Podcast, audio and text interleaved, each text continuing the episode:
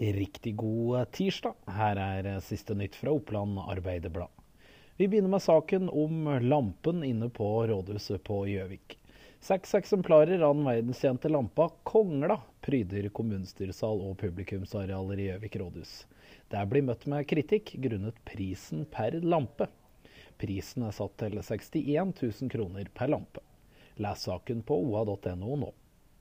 Det koker hos apotekene rundt om. Bjørkepollensesongen har starta, og apotekene melder nå om stor omsetningsvekst på allergimedisiner. Les saken på oa.no. Google har nå blokkert alle annonsene til Resett. Siden forrige uke har Resett opplevd å bli svartelista av flere annonsører. Bakgrunnen skal være en organisert kampanje der flere politikere og Twitter-brukere har kontakta selskaper som annonserer på nettstedet Resett sine sider, og uttrykt misnøye omkring dette. Resett-redaktør Helge Lurås bekrefter nå at alle annonser har forsvunnet fra nettavisen. Les mer om saken på oa.no.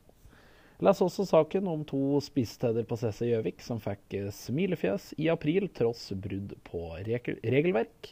For som er det saken om fire ungdommer som er frifunnet for ran, samt en oppdatering i saken om mulig voldtekt på utested i Gjøvik.